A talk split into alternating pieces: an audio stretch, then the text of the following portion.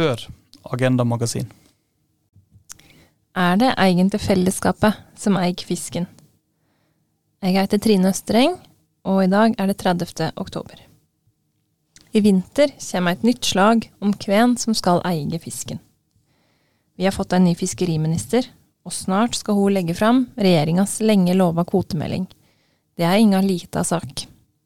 Noe av det viktigste der er hva som skal skje med strukturkvotene. Fiskeripolitikk er fullt av kompliserte ord, og strukturkvoter er eit av dem. Men ikke slutt å lese av den grunn.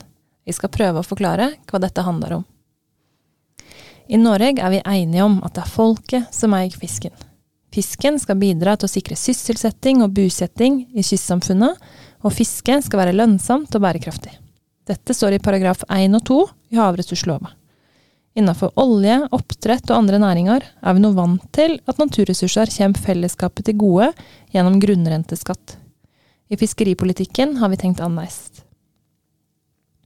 Ved å fordele fiskekvotene langs kysten har en tenkt at disse arbeidsplassene skal bidra til bosetting og næringsaktivitet i lokalsamfunn. Da kan fiskerne tjene de pengene fiskekvotene gir, uten ekstra skatt, fordi ringvirkningene kommer fellesskapet til gode lokalt. Spredt busetting og verdiskaping har vært måten politikerne har tenkt at villfisken skal bidra til fellesskapet på. Denne forvaltninga av en fellesskapsressurs henger altså på en føresetnad om at kvotefordelinga faktisk fører til spredning av ressurser og økt bosetning i små kystsamfunn.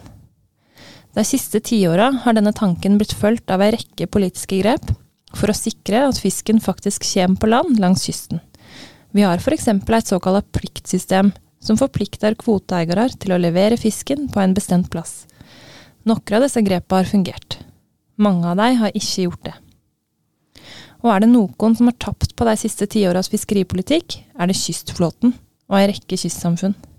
Gjennom hull i regelverket og trålervennlig politikk har kvotene blitt samla på stadig færre hender. Store mengder fisk har blitt sendt ut av landet, ikke til kystsamfunna den egentlig skulle havne i. Dette var bakteppet for kystopprøret i nord vi så for noen år siden. For tre år siden kom Riksrevisjonen med en rapport som tallfesta hvordan fiskekvotene hadde blitt samla på færre hender. Innenfor torsketrål hadde de ti største selskapene f.eks. kontroll på nesten 80% av kvotene i 2018, mot nærmere 25% i 2004. Innenfor både kystflåten, sild og makrell og havfiskeflåten har eierskapet blitt mer konsentrert i samme periode. Riksrevisjonen slo fast at det var alvorlig at citat, summen av endringene i kvotesystemet har fått til dels utilsiktede negative konsekvenser for fiskeriaktiviteten i mange kystsamfunn. Slutt. Samtidig har kvoter fått en stadig høyere markedsverdi. Denne utviklinga med å kjøpe og selge fiskekvoter utvikla seg på 2000-tallet. Og det blir stadig dyrere å kjøpe ei kvote for å etablere seg i yrket. Det blei ikke bedre av at tidligere fiskeriminister Per Sandberg oppheva restriksjonene som sa at hvert fylke skulle ha et visst tall med kvoter. Det ga større marknad og høyere pris på kvotene. I praksis betyr det at ungdom som vil bli fiskere, må ta opp millionlån for å kunne etablere seg. Når en ser på hvordan fiskeri bidrar til spredt bosetting, er kystflåten helt sentral. De trenger fiskemottak i nærleiken av der de bor og fisker. Riksrevisjonen dokumenterte hvordan det har blitt færre og større mottak. Det tvinger fiskere til å flytte eller selge kvotene sine. Og I 29 kommuner har all villfiskindustri forsvunnet siden 2004.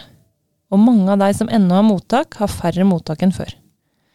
Noe må altså bli annerledes for at samfunnskontrakten innenfor fiskeri skal fungere.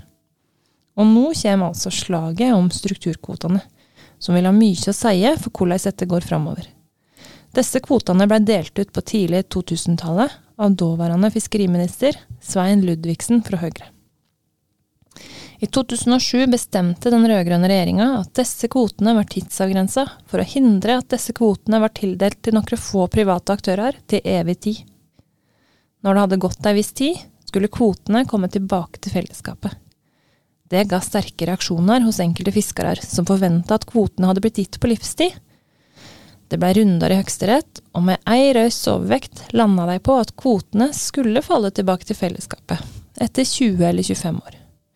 Nå har 20 år snart gått, og fristen for tidsavgrensninga nærmer seg. Men hva falle tilbake til fellesskapet egentlig betyr, er det ingen som har bestemt ennå. Det er grunn til å tro at fiskeriministeren skisserer ei løsning i den kommende kvotemeldinga. Siden kvotene ble tildelt, har fiskerinæringa blitt prega av god lønnsomhet og store ressurser for de som er innafor systemet. Det vil nok også gi et lobbyløp som vil presse politikere til løsninger som ikke nødvendigvis fordeler så mye tilbake til kystsamfunnet. Tida vil vise om det er kystsamfunnet eller velstående fiskere som har blitt rike på fellesskapets eiendom, som vil få mest gjennomslag i vinterens fiskeslag. Utfallet vil ha mye å si for hvor mange lys det vil være i husa i nord i tiåra som kommer.